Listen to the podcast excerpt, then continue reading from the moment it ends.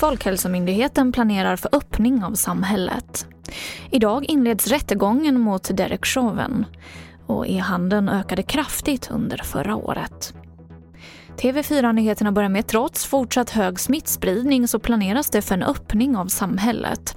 Folkhälsomyndigheten har tagit fram ett förslag på hur olika restriktioner kan lyftas som regeringen nu ska ta ställning till. Det här rapporterar DN om. Idag inleds rättegången mot Derek Chauvin, den före detta polis som står åtalad för att ha dödat George Floyd i Minneapolis. Floyd dödades vid ett ingripande av fyra vita poliser för nästan ett år sedan och det här ledde till stora protester.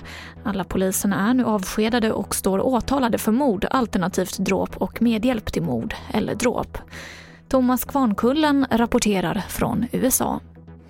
Ja, att det här kommer att bli en av de mest uppmärksammade rättegångarna i USA på mycket lång tid. Juryledamöterna har valts ut och idag kommer man inleda med eh, öppningsargumenten och sedan fortsätter den här rättegången i fyra veckor ungefär. E-handeln ökade med 40 procent här i Sverige under coronapandemin. Det här visar nya siffror från Postnord. Men en tredjedel av varorna returneras och det är något som kan skapa miljöproblem enligt forskare. Returer betyder fler transporter och forskare efterlyser nu hårdare tag mot returer.